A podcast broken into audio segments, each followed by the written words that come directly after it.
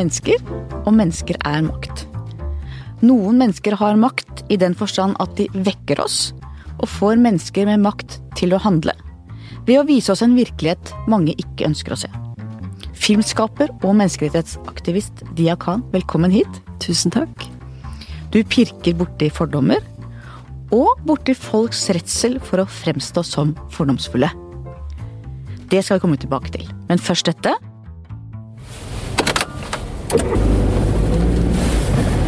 Jeg hører på lydbok eh, når jeg kjører bil. Nå skal jeg kjøre om ikke så lenge opp til eh, Lillehammer, så da, da får jeg vel med meg løsningen på Solguden på veien opp, tenker jeg. Når man sitter i bilkø inn til byen og på jobben og ikke akkurat faglitteratur jeg driver med, så det er jo for å få tiden til å gå. Da er det utrolig praktisk at du bare har den med deg på jeg har Storytel som app på iPhonen min, og da ligger den på der hele tiden. Så det er liksom bare én knapp, så fortsetter jeg der jeg var sist. Man er liksom vant til å streame alt mulig rart, så streame lydbok er jo helt perfekt. Veldig enkelt og greit. Men hvor var han?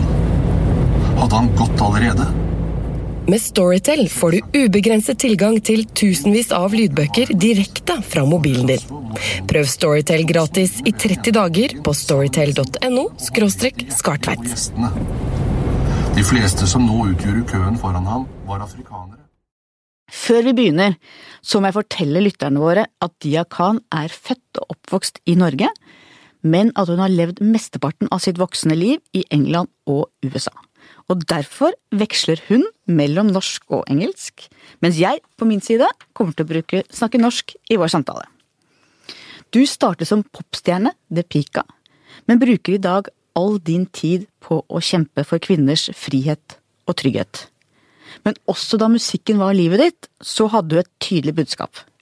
Sangen What Will It Be fra 2006 og videoen av deg med bar rygg og bilder av noen kvinner på den ryggen. Fortell om de kvinnene. Det var uh, kvinner som um, har uh, blitt drept. Uh, fordi at de har tatt sine egne valg. Um, eller fordi at de har turt å bruke sin stemme, sin um, their, their existence, their life, to try and not just own their own life, but also try and speak about oppression that affects other people. Um, and as a consequence, those women have, have suffered and, and either been killed or imprisoned uh, or faced other forms of, of violence and oppression for just being themselves. So I, I've I was actually thinking about this the other day, even going back to the the nineties when I did the pop stuff in in Norway. Um, I, I, I sort of realized that there's even some some I can see some of the same dynamics and some of the same issues that I'm interested in now. I can see them even cropping up at that point, which was always about why can't I be who I choose to be? Get off my back. Exactly. Det var en av de første sangene dine. Exactly. And refusing to be defined and told by other people who you are what you can do, what you can be, what you can dream, what you can hope, and how you can live your life. So, so it's it's kind of interesting that it's. I think that's been um, a sort of a, a, maybe it's an obsession. I don't know because it's because that yearning and that to work for that has been there for as long as I can remember. Men da denne videoen kom, var det den bare ryggen, eller var det kvinnenes historie som skapte mest oppstyr? Eh, med den videoen så var det akkurat sånn som med Graf My Back. Um, så var det ikke budskapet, men det var hvordan uh, jeg så ut. Som skapte problemer for folk. Um, og da er vi i grunnen ved kjernen av det du har holdt på med alle år siden. Ja. Yeah, I mean, it's, it's to me what, what has always really offended me is the tremendous hypocrisy that many of our societies operate within, which is, on one hand, speaking about the liberation of people and the inclusion and the full expression of people to be who they are and, and live the way that they want to live, while on the other hand, um, getting our needle stuck in things that don't matter rather than the life and death questions that, that people, in particular, a lot of women are facing. You know, even even if you look at the, the debates around women of Muslim heritage today, we're constantly focusing on hijab eller ikke hijab, niqab eller ikke niqab. The issues that affect women of, of Muslim heritage are far far more profound than the type of piece of cloth that that will or will not decorate their body. So so you know I, I think that kind of double standard is is something that's always offended me. The fact that we won't confront real oppression, real discrimination, and the reality of what it means to be a woman or a human being at the center of these experiences. Instead, we flatten it, make it into stereotypes, and sort of remove people's full experience as human beings and make it into cliches. Og dette handler jo mye om eh, hvordan vi ser mennesker. Ja. Eh, og det handler om individ versus gruppe. Eh, kollektive kulturer versus kulturer som setter enkeltmennesket i sentrum. Og det faktum at i en del andre kulturer der menn bestemmer, så er kvinnene bærere av fellesskapets ære. Også i mange minoritetsmiljøer i, i vårt samfunn. Noe som innebærer en sterk sosial kontroll fra familiemedlemmer og fra fellesskapet. Kan du forklare hva det innebærer å vokse opp i en kultur hvor det er ære og skam som er de sentrale begrepene? Uh, in essence, um, basically your behavior, your choices um, as a girl or as a woman defines the reputation of your father and of the male members of your family. And the, the people with power within the family, which you know tends to be the men and, and not particularly women. So, uh, so what that means then is that if I behave in a way that brings any kind of stains of of humiliation or shame uh, on my father's reputation or on his family or his community's uh, reputation, then I am the one whose behavior needs to be corrected and not those measurements of what is considered honorable or shameful. Um, so, for example, the, the, the documentary film that I, I made a few years ago uh, called Banaz a Love Story, her story is, is sort of the most extreme manifestation of what happens when this form of control turns deadly, where the reputation of the group becomes so important that you must exterminate the woman who has transgressed and who's behaved in a way that causes embarrassment for the rest of the family. So, you know, her story was that. Um, can, I tell the story? Absolutt. Du fikk jo Emmy for den filmen i Ja. 2013. Ja. Og det var jo egentlig din kjærlighetserklæring til Banas, som du aldri har møtt, men som du likevel ble veldig glad i. Ja. Eh, og, og fordi I've been, you know, I come from a community where honor and shame and social control and the policing and controlling of women's behavior is is just part of everyday life. You know, it's it's a young woman said to me many years ago, um, actually a Pakistani girl from Norway, and I will never forget this. She said to me, "Look, dear, most people don't understand that even in the freest country in the world, we are not free. Women like us are not subject to the same rights and the same opportunities and the same protections as you are as a white Norwegian woman. Um, and so, this question of honor, of shame, of controlling your behavior, always feeling like you have to be smaller and invisible and silent because you're a woman. Because if you don't, you might say something or do something that might hurt someone's feelings, or it might humiliate them, or it might put their head down within their community.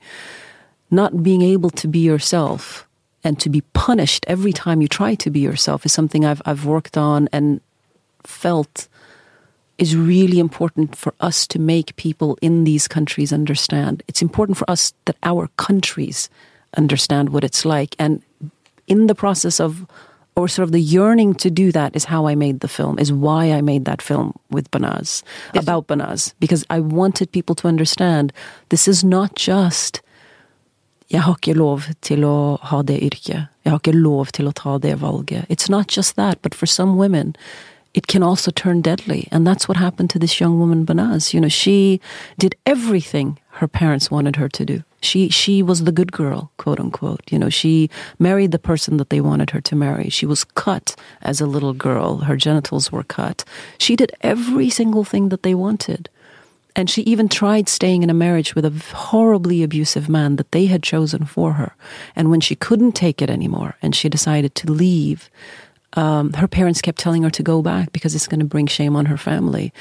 And she didn't. She did eventually leave the guy.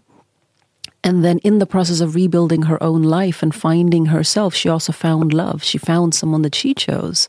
And when the community found out, within months, she was killed. Within months, on the orders of her own father and her own uncle, she was killed. She was raped, she was beaten, she was strangled, and she was put into a suitcase and buried six feet under. And this is something that happened in London. This is not something that happened in Kurdistan or in India or in Pakistan or Afghanistan or Iraq. This is London, this happened. Um, and the added tragedy of her story is that she went to the police in England five times asking for help. And nobody believed her, or nobody believed that she needed the support that she was desperately asking for. So, you know, I think for a lot of young women who are growing up in the West, they're sort of stuck between, you know, not being allowed to be who you are because of your, your, your parents or, or their community and then not being understood and not being fully accepted in in the white countries that they're growing up in as well because somehow their problems should be just their problems. And maybe it's just their culture to be abused. Maybe it's just you know so it's it's you have this again you have these double standards of where keeping the peace and keeping up facades and reputations becomes more important than the individual life and desperation and suffering of so many young people. You know, but now I also have to say, you know, obviously this is not something that happens in every household because that's the other tendency that we have is anytime we talk about honor killings or forced marriages or female genital mutilation um, because a lot of people in Norway and other countries don't really understand what these issues are like and the extent of them, we tend to think, well, this happens in every single household, and therefore uh, er det ikke tragisk hvor, hvor, hvor fæle disse utlendingene er. ikke sant? And then suddenly your suffering as a woman and the problems that you deal with becomes the political football of, of populists. så vi ser også bare kollektivet og gruppene, og ikke enkeltindividene? Ja, ikke enkeltindividene, og, og, og, fordi at vi ikke gjør det, så tar vi ikke og, og uh, We don't provide the adequate support and love and understanding that a lot of our young people need. Noe av det som gjorde inntrykk på meg, en av de mange tingene som gjorde inntrykk på meg i filmen, var denne engelske politikvinnen som sier at 'jeg måtte elske Banaz', for noen måtte gjøre det. Og hun var et eksempel på en kvinne i systemet som så nettopp Banaz for den hun var, ja. og forsto saken for seint. Men like fullt, hun gikk inn og løste den. Ja. Og det er vel det man er avhengig av, at folk i systemene ser dette. Ja. Ikke sant? Det, det, det, grunnen til at jeg fortalte Banaz sin historie i denne filmen, er It's both, both because every single thing that happened to Banaz while she was alive carries all the sort of lessons of the mistakes that we are making. You know, both her community or her family's communities are making, and also our wider, you know, system is making. But the the more important reason why I made the film was not just to highlight the mistakes. It was to highlight the solution. And to me, this policewoman, Caroline Goode, is the solution. And uh, as you rightly say, you know, this woman was the investigator of the murder. So Banaz was already killed, and then this woman was brought in to investigate her her, her um, disappearance initially, and then her her killing. And this woman turned the world upside down, hunting for the killers. And this woman uh, secured the first ever extradition from Iraq, where two of the murderers had had escaped to. She basically dragged them back, hunted them down, and dragged them back and put them on trial in the UK. And they were found guilty, of course. She did not give up. And when I was researching the film, I was actually looking at several different stories like this. And the reason it became Banaz's story is I, I remember talking to Caroline, the policewoman, and I kept going, you know, you didn't have to fight so hard for justice for this girl. You know, you could have just arrested the first couple of guys, patted yourself on the back, and said, great, case closed, it's fine. I said, why did you fight so hard for her, even at the cost of your own, you know, politics within your own organization? And she sort of looked down and very quietly, and mind you, this is a hard policewoman who, who, who gave me a very stiff police interview, and then she just goes, you know, I did it because I love her. And I love her because everyone should be loved. And the people that should have loved Banaz didn't, so I do. And I still do. And I, I, I mean, I, I get, I får gåshud när jag bara ser den också. But, but, you know, when she said that, I knew that this is the film that I want to make. This is the story that I want to tell because this story contains not just the problem, but the solution. Oh. And the solution and the hope. And the solution is we have to care. The reason this woman was so successful in handling this incredibly complicated case was she cared about Banaz. She dared to care about someone she doesn't have to care about, someone she's never met, somebody she she knew nothing about until you know she was already stuffed and killed and put into a suitcase. And this is the solution. Vi må tørre å bry oss. Vi må tørre å bry oss om hverandre. Vi må tørre oss å, å and, and act and live out of the principles that we say we believe in. And we have to do it when it comes to people that challenge those principles. Når det er vanskelig å stå opp for det du bryr deg om. Stå opp for det som er viktig for deg. Når det er vanskelig, det er da det er viktigst at man gjør det. Det er da det er viktigst. Og to act out of caring. And so the film is called a love story, Banaz a love story, not just because Banaz fell in love with this boy and then subsequently died, but because of the love of this policewoman. And also, honestly, I mean, it took me about three to four years to make the film. The love we feel for Banaz, all of us who made the film, I mean, we, we worked on pretty much no money. And we were obsessively caring and thinking and worrying about this project and this girl.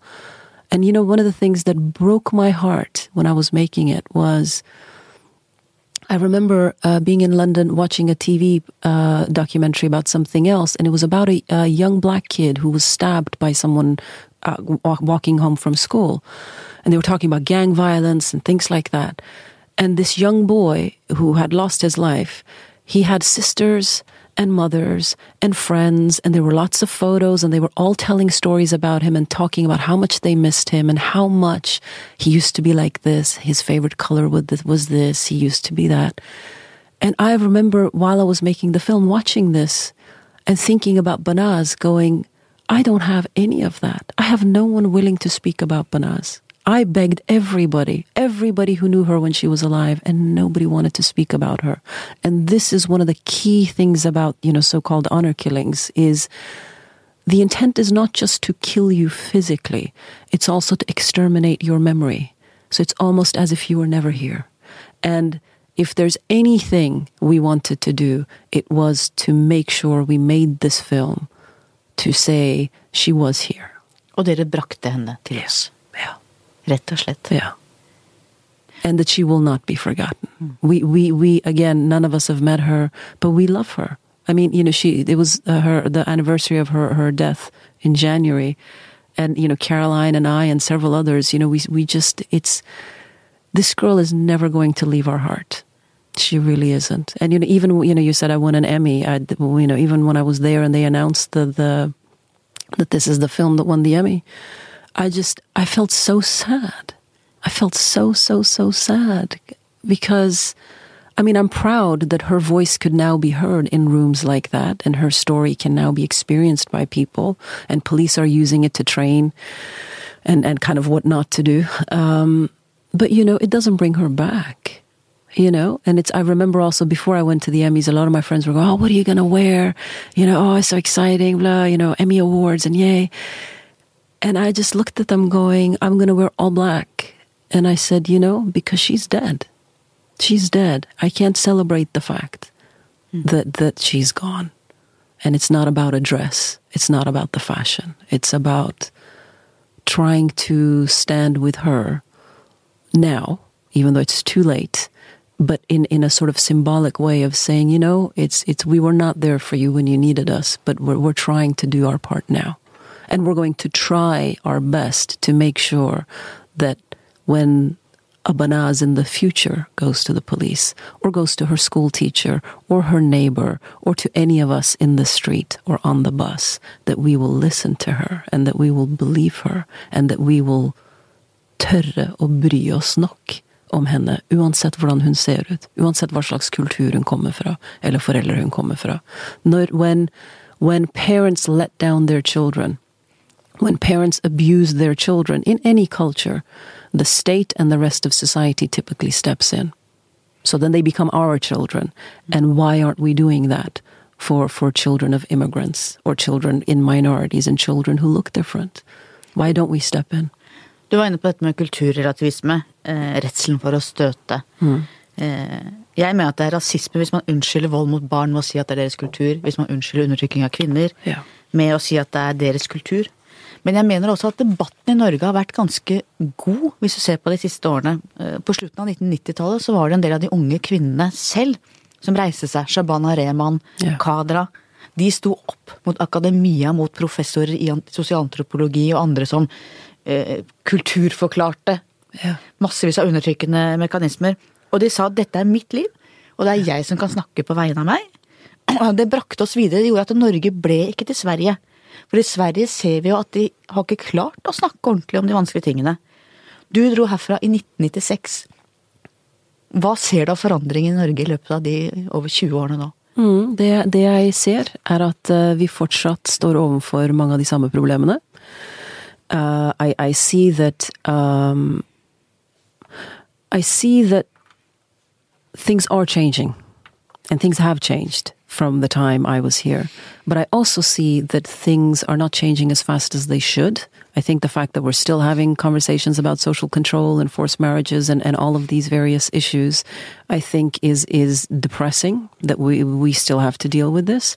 Having said that, what inspires me tremendously, and I feel so proud, is um, obviously all the, the remarkable women that you just mentioned have done extraordinary work uh, in you know in, in some of the past decades but in the last few years seeing uh, Sofia, Nancy, Nemra, Skamløse Isra damer. Skamløse Skamløse jenter. jentene I have to, jeg får gåsehud når jeg sitter og bare tenker på dem og, og snakker om dem.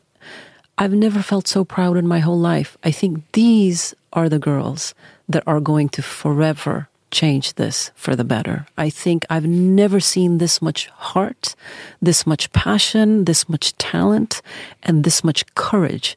Really, in any they have more courage than I ever had. Um, and the fact that they're standing up, I'm so proud of them and I'm so inspired by them. And anything I can do to be of any kind of support would be my honor. It would be my pleasure and privilege to get to, you know, even even get to clap for them. You know, to me, I love what they're doing and I think it's desperately important what they're doing.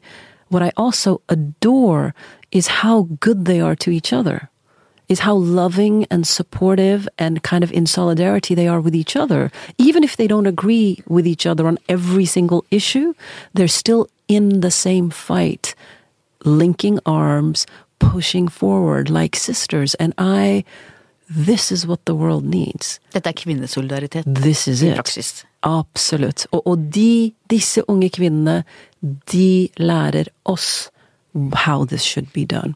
Du var 17 år da du måtte flykte fra Norge. Hva skjedde? So, uh, you know, a lot of the same issues in, in many ways. You know, I, I was doing music. Um, I had a you know fairly in, interesting or healthy or whatever career at the time. Um, I was very publicly visible and you know loud in some ways. Um, and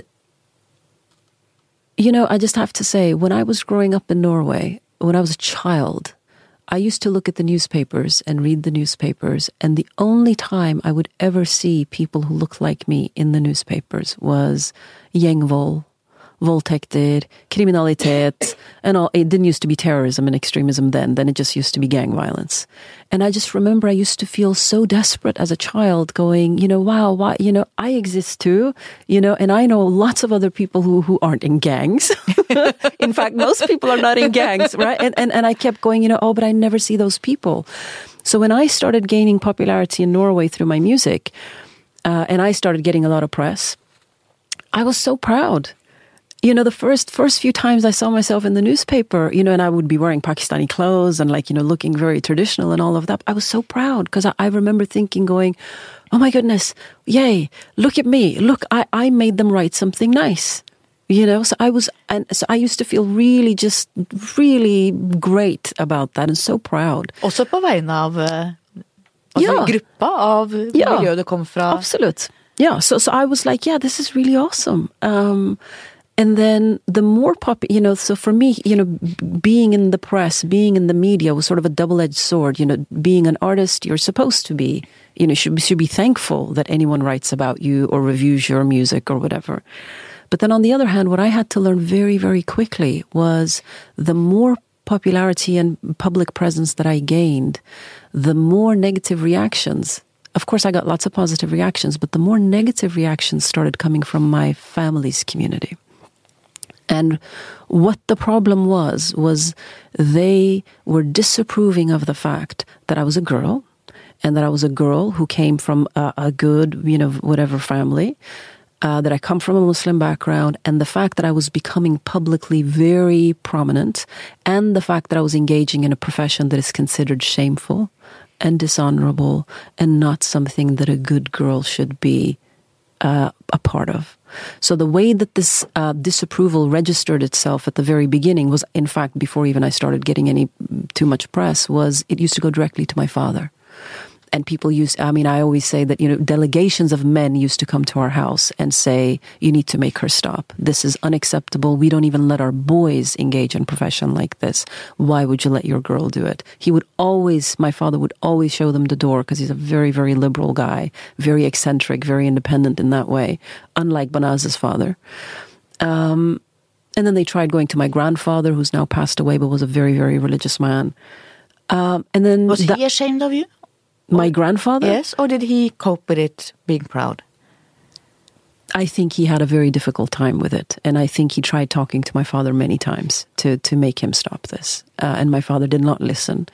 And when that didn't work, when going to the men of the family, the people with the power over me, didn't work, then people started coming directly to me. In the streets of Oslo, people put pulled knives on me. People spit in my face. People gave great detailed descriptions of how I was going to be raped, how my stomach was going to be cut open so another whore like me would not be born, how I was going to get murdered. Um, And you were a teenager. I was a teenager. I mean, I was a, I was a kid. I mean, come on, you know. Uh, I was attacked at my own concerts. It was, it became so, and my family also started becoming very isolated uh, and sort of pushed out from from the group.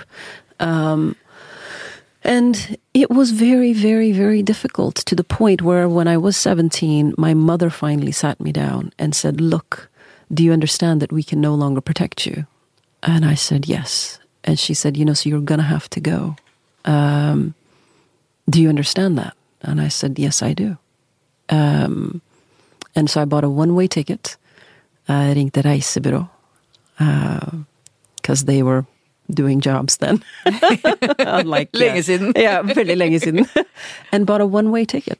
And I remember them asking, and I felt so sad. And they said, når skal du, uh, når er returen din? And I remember saying, jeg skal ikke ha retur. And I, I remember choking up on the phone when I talked to her. Um, and I left. I left my friends. I left my career. I left my family. I left everything and everyone that I ever loved. Um, and I went to a place where I knew nothing. I knew nobody. Og du har senere sagt at ingen stilte opp for deg. Ja. Ingen i Norge hevet stemmen.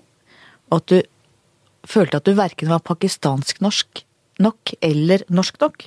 Føltes som du ikke var en av oss. En Ja. av eh, Ja, jeg følte at ikke jeg var en av noen. Jeg følte at fordi at jeg var jente, så var jeg ikke god nok.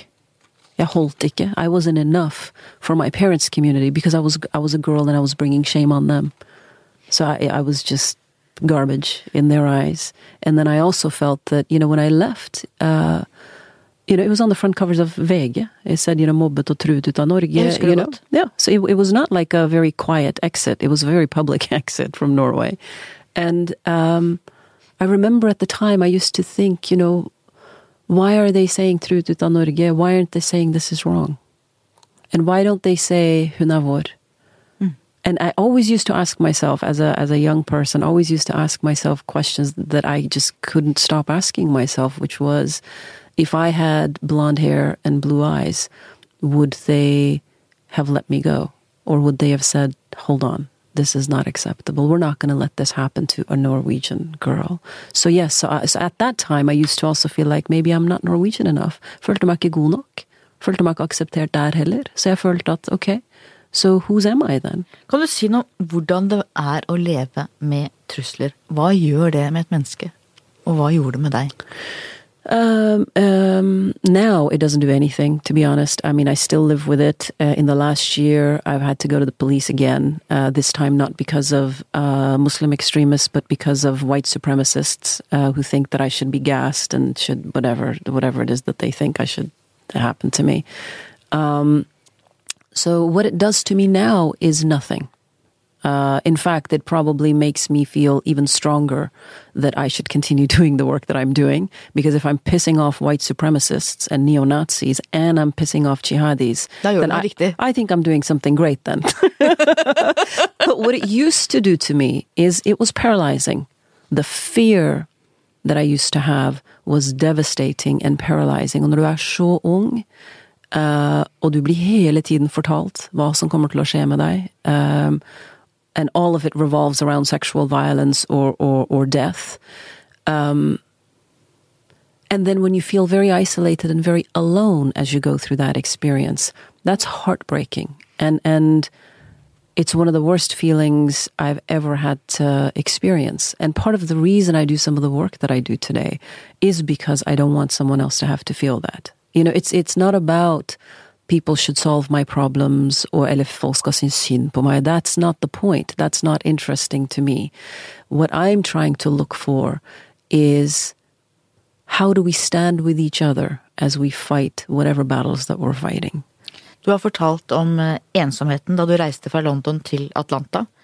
Og det er mange fortellinger om ensomhet blant de som enten bryter med familien sin eller flykter av andre grunner.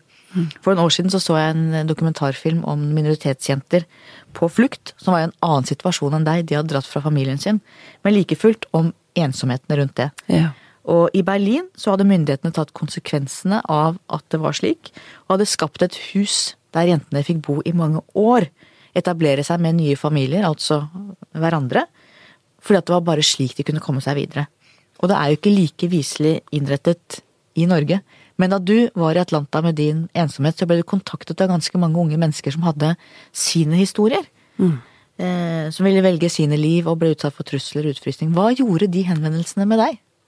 It made me wake up. When I was sitting in Atlanta feeling very isolated and very alone and very scared, actually, you know, sometimes it's, it's, uh, it's easier to help someone else than it is to help yourself. And what all those emails and letters and, you know, contact used to do with me is that it did something that never happened for myself, which is it made me angry. So I stopped being afraid and I started getting very angry and started just realizing this is not okay. This is not acceptable. And I'm not going to let this happen to you. I don't know how I'm going to stop it, but I'm going to do something. I'm going to do anything in my power to do something about this. At the very least, talk about it. So what it did is I was sitting in Atlanta completely emotionally, personally paralyzed and sad and lonely and heartbroken. And these messages woke me up and and made me stand up in the way that I've never stood up and made me realize that I'm going to have to do everything that I'm scared of, which is to look at these issues and which is to really start speaking about this and help other people understand what the consequences of silence will be. And the consequences of our silence, including mine, for those years, is that abuse continues, is that abuse finds very fertile ground to just perpetuate. And that realization for me is what changed my life, is realizing that my fear of saying something and doing something about this is a very different price than my silence. My silence is causing death and suffering for people. So that is an unacceptable price. Being afraid every once in a while, that I can live with. But I can no longer live with being a person myself from some of these communities and to continue to be silent and to continue to let this happen to our women. I, I personally drew the line and said, no, no more. I refuse to contribute to the issue by remaining quiet. Og du har laget flere filmer, også en som radikalisering mm. av unge og eh, jihad.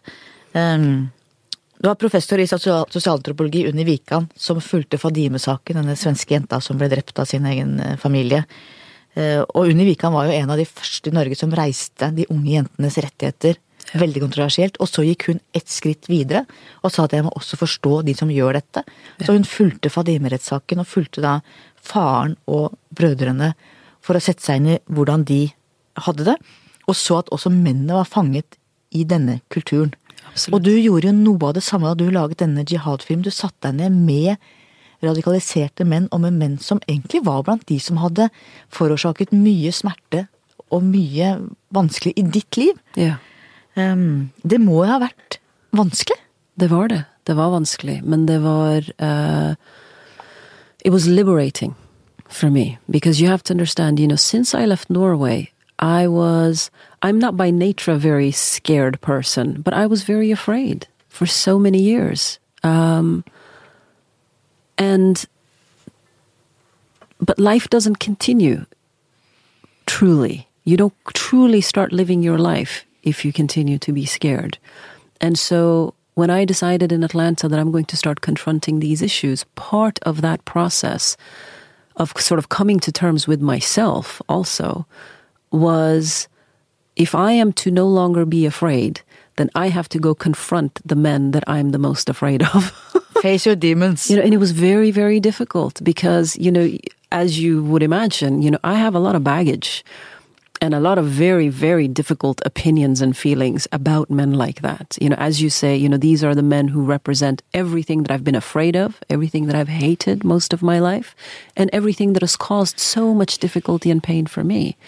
And so to put all of my stuff, that stuff aside, and sit down and be willing to listen to them uh, was really hard, but that's what I wanted to do. Og tenker du som Unni Wikan at de også er fanget i dette? Yes, without any question. And when I talk about that, it was also very liberating for me.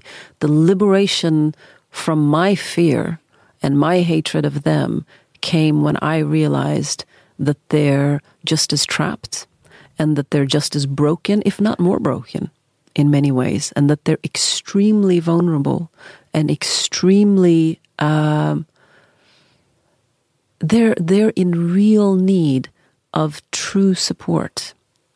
What I realize is that a lot of them are going through a lot of the, the same issues that the girls that I've worked with go through, but they have no way to resolve it. They don't think they can ask for help. Og de blir skurkene i våre øyne. They become the Og villains. de er skurkene. They are. They are. So, so you know, making the film was not to me about making what they're doing okay or acceptable or justifying it or excusing it. It's more just trying to understand what's happening underneath the surface in the process of becoming a villain.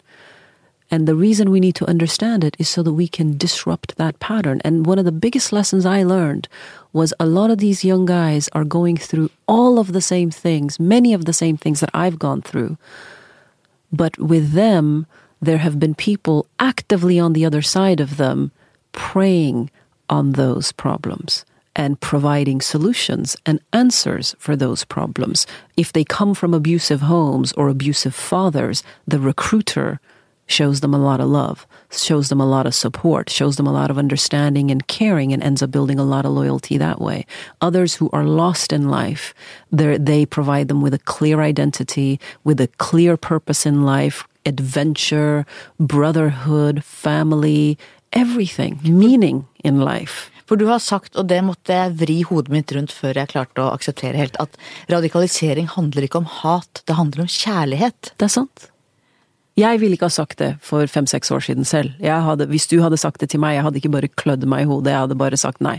Det nekter jeg å, å akseptere. The reason I say that is every single person that I spoke to, you know, keep in mind, I spent two years interviewing convicted terrorists, jihadis, former extremists, and also people who are active right now. Without exception, every single person was drawn to these violent movements, not for the violence. They were drawn for towards the acceptance, towards the purpose, towards the belonging, towards the family, and towards, in their eyes, they're doing the right thing. In their eyes, their violence is justified, just as America thinks its violence is justified. So, so you know, it's very easy to tell yourself a convincing story, and these guys are telling themselves that. And also, the thing is, many of them, if not most of the ones that I talk to, they feel insignificant in life. They Det handler om å bli sett. Det handler om å bli sett. og akseptert og bli hørt. Og, og det som er så tragisk, er at mange av disse unge mennene, vi ser dem ikke, og vi hører dem ikke, og vi bryr oss ikke om dem til de blir voldelige. Plutselig da så ser hele vårt samfunn han. And not just us, but the entire world, the most powerful men in the world, suddenly have to look at these men. And so, in, in one way, as a society, we're also rewarding their bad behavior. Er We're rewarding violence with attention. Ja. Så vi ser dem ikke når de har det vondt, vi ser dem ikke når de, når de trenger å bli sett, når de trenger støtte, når de trenger kanskje å komme seg vekk fra sin familie eller sin far. Hvor skal gutter gå? Hvor skal gutter i, i, i disse miljøene, hvor skal de gå hvis de har det vondt? So, so it's, it's, you know, I want to hate them. I really do. And I have most of my life. And I, I, I, I want to say this is hopeless, but it's not. Og jeg syns jo i den filmen om radikalisering, den kanskje sterkeste scenen er hvor du sitter foran en av disse mørkemennene, og så begynner han å gråte. Ja. Og jeg tenker for deg, det må ha vært en oppreisning og eh, Hvordan var det for deg? Det har jeg lurt på ofte. Uh, it's one of the strangest and most moving moments of my life. I never would have thought that that's possible. and I certainly didn't think I would be a part of experiencing that. When it happened, he, because I was asking him about forgiveness, if he's, if he thinks he should be forgiven. And he was very clear, yes, I think I should be forgiven because I've forgiven people who've done bad things to me, you know, things like that. And then the last question that I asked him is whether he forgives himself. And he just fell apart. And the truth is, they're, you know, they talk about the fact that we don't accept them growing up or that they're going through a lot of these issues. But the truth of the matter is they don't accept themselves. They don't care about themselves. Er they don't, hat? det det. Det- Mange av dem føler ikke at de er verdt noe. So all these really horrible feelings and sad feelings that they have, they take that, connected to big political, global issues, because then you don't feel so small, and you don't feel so sad, and you don't feel so weak and so helpless. You feel powerful. You feel like maybe your pain and your small, sad feelings have a place in the world. Maybe you can direct it towards violence or towards, you know, want to do something against Bashar al Assad or whatever it is that they keep telling themselves. But it's seeing these, some of these men fall apart. I've, I, uh, it, that's, I think, changed my life. That and the other saddest thing for me about making the film is I would be speaking to a lot of the young men who are very sort of intense now. And they have, they're so articulate and they have very clear answers about American foreign policy and about Israel and Palestine and all the usual stuff and the suffering of Muslims worldwide and, you know, the various conflicts and all that you know, and one of the guys, you know, I said, you know, what's your dream? And he said, my dream is to see the American empire fall. And he said, I mean that. I genuinely mean that. For all the harm that they've caused, for all the destruction that they've caused, I want to see the American empire fall. That's my dream. And, you know, and when I asked him, but okay, but what's your dream for yourself? I mean, this young man, he's like a, like a young Malcolm X or something. Like he's so charismatic, he's so articulate and so brilliant. And the minute I asked him about his dream for his own life, his face turned into like a young boy, like a child. And he didn't have an answer. He said he doesn't have a dream for himself. And that breaks my heart that we have kids in our countries who don't have any hopes for themselves, who So- don't have any dreams. So what should we do? Hva skal vi gjøre? Vi må gjøre det Caroline Goode, the police officer in Banaz's case did. Det vi må gjøre, er at vi må tørre å bry oss. Og vi må tørre å bry oss når det er vanskeligst. Vi må tørre å bry oss særlig fordi det er fordi som det er vanskelig å bry oss om. For de som ikke vil at vi skal Nei, you know, they, they say they don't want us to care about them. The thing is, what we have to do is they have this story in their mind. A lot of these radicalized guys, kids, and girls too, where they're telling themselves the story that I don't belong. I am not accepted. I am not Norwegian enough for people to care about me. These people, don't, white people, don't care about me.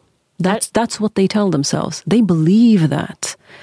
The only way to disrupt that story is to prove them wrong. Det er jo det man sier. Elsk meg mest når jeg fortjener det minst, for da trenger jeg det mest. Helt riktig. Oh, And that is the that's beautifully said actually. That's the biggest most profound lesson I've learned from making this film. And I am changed as a person. This film forced me to challenge my own prejudices. Frigjorde den det? Den gjorde det. Endelig, den gjorde det. Den, ble, den gjorde deg fri. Den gjorde det. Og nå, nå er jeg ikke redd lenger. You know, and I'm not afraid of the boogeyman and of the monsters anymore because I realize they're just broken people. And by realizing that they're just broken people, again, it's not to justify or excuse them and their monstrous behavior, but it is to say, because they're just people and just broken people, that we can do something about. Monsters are very difficult to do something about, but just people, we can do something about that. There, for me, hope and change becomes possible. And I have to be completely honest with you. When I started making the film, I was very, very pessimistic about men like this and about this entire movement because it's so complicated, so vicious and violent. I left the film after two years after having made it with so much optimism and so much hope that we can change. For meg er det helt utrolig, men også oppmuntrende. Ja. Det gir jo et håp. Det gjør Et det. annet tema du har berørt, er jo jenter som eh, i sitt opprør blir mer religiøse enn eh, foreldrene sine. Ja. Og at de går den veien. Det er Ja. ikke et rampeopprør eller et gå på fylla-opprør som kanskje en del av oss andre har holdt på med. Mm. Men rett og slett å bli mer puritanske, mer rene, Ja. enn foreldrene. Ja, fordi hvis vi nå går tilbake til når vi snakket om sosial kontroll og kontroll innenfor familiestrukturene You know, these girls come from that structure. And if they do go out and drink or have a white boyfriend or do any of those things, they know the consequences of that. They know det opprøret kommer ikke til å funke. Ok? Så det opprøret er et opprør de ikke har tilgang til. So they're smarter than people like me. They've learned, they've, they've figured that out. Right? Uh, so what they've so cleverly figured out is because okay, what you have to understand in, in these cultures, in these kind of patriarchal structures that our families come from, when we talk about patriarchy, we usually think of male female. But what you have to understand in this system, it's not just male female, it's also old young. So equality is never possible in this old young dynamic. Alltid noen som er Ever. sterkest. Det er alltid noen som er sterke, det er alltid noen som dominerer, og du, you can never equalize that power relationship in your own house with your own father. What these kids have figured out so brilliantly is one of the ways that they can equalize it is through religion. So they can out Muslim their parents. And they can finally be in a position where they can point their finger at their father and their mother and go, You're not even a real Muslim. You're not even Muslim enough. Og det Look at me. Det treffer. Det treffer, for der plutselig har ikke foreldrene veldig mye de skulle sagt. Hva skal de si der? Ikke bli for muslim, ikke bli for religiøs, ikke bli for fundamentalist. What? You know, some of the women and even the boys that I talked to who were not allowed to go out to like clubs or friends or anything like that, they started uh, going to some of the study circles of, of more the hardline preachers or groups or whatever, and then they were allowed to go out at night. Og også når det kommer til valg av partner. Uh, that, one of the things that was very interesting to me, some of the women said that, look, if I want to marry a black guy or a white guy, that's never going to happen. But because I've become more religious than my parents, I can tell them that if I get him to convert, then that should be enough. Så er en vei til kjærligheten nå. Det er faktisk det. Og, og, og, og uh, you know, going back again to, you know, the, the love part of the, the attraction of these violent movement. It's, you know, they also, in a very twisted sort of way, you know, if you look at the propaganda of IS, for example, you see white, brown, black, male, female, you see all kinds of people of all kinds of colors and shapes. What they're also trying to promote is look, we accept everyone. IS As long as you are our kind of a Muslim, that's the only unifying thing that you need to be. But you can be white, you can have a red beard, you can be black, you can be white, you can be brown, you can be anything. You can come from any part of the world, you speak any language. We accept you. På et sykt vis så blir IS en slags equalizer. It does, and it also becomes a family that it's it's almost like an equal opportunity employer too, in some ways. That says it doesn't matter where you come from. The, it doesn't matter what you look like. All races, all difference, visually at least, is accepted as long as you do this. You know, of course, then they take all of that and pervert it into their horrific politics and their brutal violence. But Men det du beskriver er tiltrekningskraften, det som trekker dem til, og som viser seg selvfølgelig å være helt galt, Riktig. men som er det som de ser som en mulighet. Riktig. Og, og, og, det, det å finne ut at det er helt galt, at det er egentlig ikke sånn det fungerer, de finner jo ikke det ut til det er for sent. Dette er veldig sant, dette må vi snakke mer om, men nå må vi litt på slutten snakke om deg og ditt liv og din oppvekst. Um, for musikken var egentlig faren din sitt prosjekt, Uh, og han drev deg vel ganske hardt. Og hva skjedde med lekene dine da du var sju år gammel? Yeah. Um, so, so my father experienced a lot of uh, racism and a lot of discrimination when he moved to Norway. So he had it in his head. I don't know how, but anyway, he had made a decision that there are only two professions on earth where you will, if you work hard enough and you work harder than everybody else, it might take you time, but eventually you will be successful and, and people won't discriminate against you based on gender or race or anything or any other difference. And he said, and he actually gave me the speech when I was a child. And he says, one is sports. He was very, very serious about this. One is sports, uh, and the other one is music and entertainment. And he said, look, I don't know anything about sports, so it's going to be, he loved music, absolutely loves art and loves music and literature and everything. And he said, so it's going to be music. Um, and the other reason it was music is he had heard me singing some terrible uh, Grand Prix, uh, Grand Prix song på. And I remember him going, come inside and sing in front of me again. And I did. Um, and that's when he just grabbed me by the hand and he walked me through our little apartment på Lambertseter. And he picked up all my Barbies and my dolls and my bumps and my toys and everything and put it in like a søppelsekk. Um, and walked me out to the hallway and said, say bye bye. Say bye. And I just remember looking at him going, what's, no, what's he saying? And he Gråt said, Yeah. And he's like, no, but say bye bye. And I thought, well, he's not going to do anything. And I didn't. And then he just threw it away. And I remember just losing my mind and just sobbing, going, ah, ah this is horrible. And, and then very next day, in exchange, he gave me this crappy little, terrible little Casio keyboard and music lessons. Um, and so from the age of seven, I basically um, had my profession decided for me. Noe mer leking. No more. No more that. No more birthdays. No more nothing. So my life was. Um, my brother and I always sort of joke about this that you know our upbringing is you know closer to like a Chinese or a Russian gymnast type of upbringing than like a normal child thing. Um, so I, I yes, I didn't really have a very normal childhood. You know, I, I Har du was. savnet det? Du kan ikke savne noe du ikke har hatt.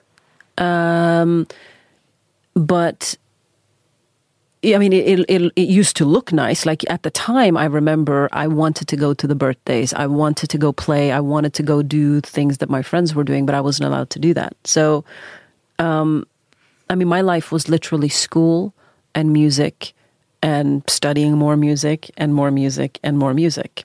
And that's it. Beskriv faren din. Hva slags type er han? He is uh, very strict, actually. Uh, very, very strict. He's extremely liberal.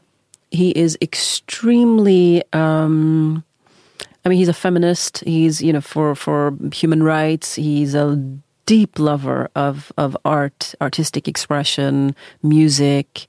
Vi har jo tidligere snakket om at en del kvinner med din bakgrunn som frigjør seg selv og gjør ting, har ofte veldig eh, liberale fedre Ja. som pusher dem. Yes, I think so. I, I think that's a common trait for most feminists, even throughout history. I think you're going to find a pattern of fathers uh, that were there behind them and were very supportive. So, my father, I mean, my upbringing, just to describe what my father was like, was one of my earliest memories in my life is sitting on the carpet floor in our small apartment and there being a cigarette cloud on top of my head and teas and being drank and, and food being eaten and conversations about politics and the world and about art and theater and human rights were, were being had with my father and also feminists from all from Pakistan and from different parts of, of, of the Islamic world. Um, and with activists and dissidents and and theater people, poets, really interesting people from that part of the world. So what he exposed me to from a really young age, this is before I was doing any music, was he put women in front of my face, other than my mother as well, obviously, who were very strong and who looked like me. So in my head, when I was growing up, there was never a disconnect in terms of can I be strong? Can I have ambitions? Can I, you know, can I sit next to a man and, and for him actually to be the person listening? So he put these kind of images in my mind and these kinds of experiences in my life really, really early on. So I didn't have the concept of here's the bar and this is the, your limit and you can't get beyond that limit. So that's how I grew up. That's why when the reactions to me from his community started happening, it was very strange because my father's from a Muslim background. He says it's okay to do music. In fact, he put me in it. You know, he wants me wanted me to be a public person. Um, so it was his community that reminded me that I had limits. He didn't. Og moren din, hun kom opprinnelig fra Afghanistan, Yes. vokste opp i Pakistan, Yep. møtte faren din der. Yep. Hun gikk med olabukser, det var ikke så vanlig. Faren din forsvarte henne. He did. In fact, he encouraged her to wear that. I mean, he, he's he's a very very liberal, very and also a very eccentric man. And my mother's always been, um, I mean, she's the strongest sort of female role model in my life. She's tremendously loving, has the biggest heart I think I've ever experienced. Maybe everyone says that about their mother. I don't know. Um, but she's a very courageous, amazing woman. You know, in the first part of her life, she worked as a school teacher. Um, and in you know second part of her life she's worked as a as a translator and you know when i do some of the work that i do so when i was making jihad i didn't tell my parents i was making it and when my mother saw the film she kept shouting at me and was so angry Hun mente det var farlig. det var veldig farlig. Og hun sa at how dare you do this to me? And I kept going, what do you mean? She's like, you know, I'm your mother. How can you put yourself in front of men like that? You know, why would you put yourself at risk like this? And how dare you? How dare you do it to me? Det var en grunn til at du ikke fortalte på forhånd. Ja, så, så jeg sa dette er grunnen til at jeg ikke fortalte det til deg. but then, you know, of course I said, you know, but what do you think of the film? And of course she absolutely loves it. But all the work that I do uh, on sort of the activism side of things, she always gets so worried and so nervous. And she sort of says to me, why do you have to do this? Why do you have to take on all these big and really difficult issues? You know, just go have a nice life. Go enjoy yourself. Have a, you know, why are you doing all this stuff? And it's dangerous and it's this. And I hun er have stolt av deg òg. hun er veldig stolt, but I have to remind her that when I was growing up, she's the person som hjalp kvinner finne frem til krisesenteret. Hun er kvinnen som satt og hjalp andre kvinner og andre ungdom som slet. Hun er kvinnen som ikke lagde, lagde bare matpakke til meg når jeg vokste opp, men hun lagde 30 andre matpakker til andre barn fra uh, andre land, whose parents didn't know either how to make a matpakke or, or didn't do it or whatever. So I have a mother who is deeply caring, deeply compassionate and loving and stands up for people who find it hard to stand up for themselves. She stands with them as they find their own balance and their own feet. And so anytime she tells me, why are you doing what you're doing? I say, because I watched, I, I grew up watching you. That's why. So you don't get to tell me now that I don't get to do this. You've done that your whole life.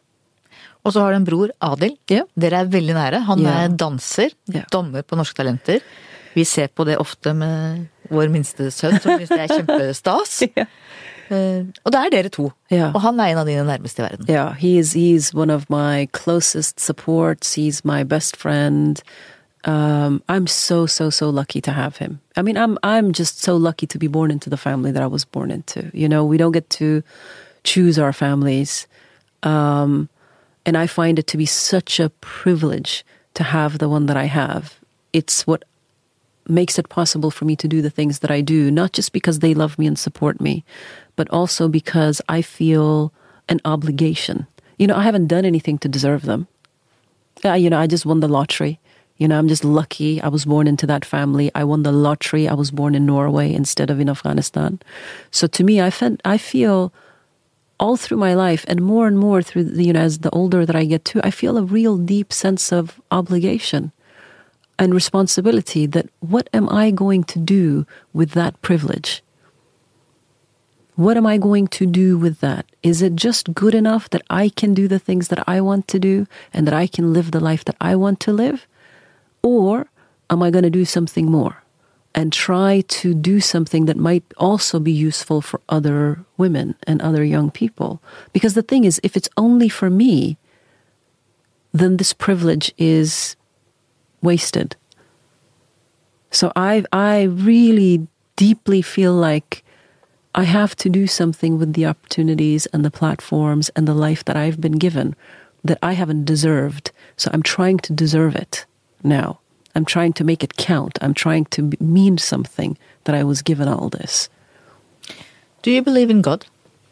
Yeah, I do. But I, I, I mean, it depends what you mean, though. You know, if you mean like a man with a beard in the sky, I don't mean I don't believe in that. What I do believe in, uh, I when I say God or think God, and what I've been taught by my mother, the way we grew up, is uh, I believe in love. You know, and I I believe that that's the only thing that matters ultimately. Do you pray? Yeah. What do you pray for? love and to be and and um to be useful and to make sure that I I that I do my part whatever that is and to have the the the patience and the stamina to do that to the best of my ability I I, I pray for the ability to show up to my life as fully as I can. And I pray that I get to live the rest of my life the way that I've lived it for the last 10 or so years, which is to live it with all my heart. Um, and to live as fully as I can and as as much as myself as I can and stop, you know, mo- you know, first part of my life I spent trying to please everyone else, you know, try to be enough for this side or that side. Og eller være sånn og sånn som en kvinne. Man kan ikke gjøre det, man kan gjøre det. Må ikke bli for this and that. You know, but to just uh, be comfortable being myself. And be true to myself. Og det bringer oss over til det siste, faste spørsmålet. Hva skal være historien om deg? Dia Khan, det var hun som I don't know. I have. I'm too busy to think about my own story in some ways. Um, I'm busy doing it. I'm actually busy doing it than thinking about how I want to be remembered or should be remembered. I think we have a very short time here. Um, I'm just I'm trying to do what I can. I'm trying to do what little I can. Um, but I don't know what my story should be. I don't I don't know it yet anyway. I haven't even yeah. Haven't gotten that far. I have a lot left to do first. Jeg ser fram til det. Tusen takk for at du kom. Tusen takk. Takk til deg som hørte på. Takk til vår faste produsent Magne Antonsen. Vi høres igjen neste uke.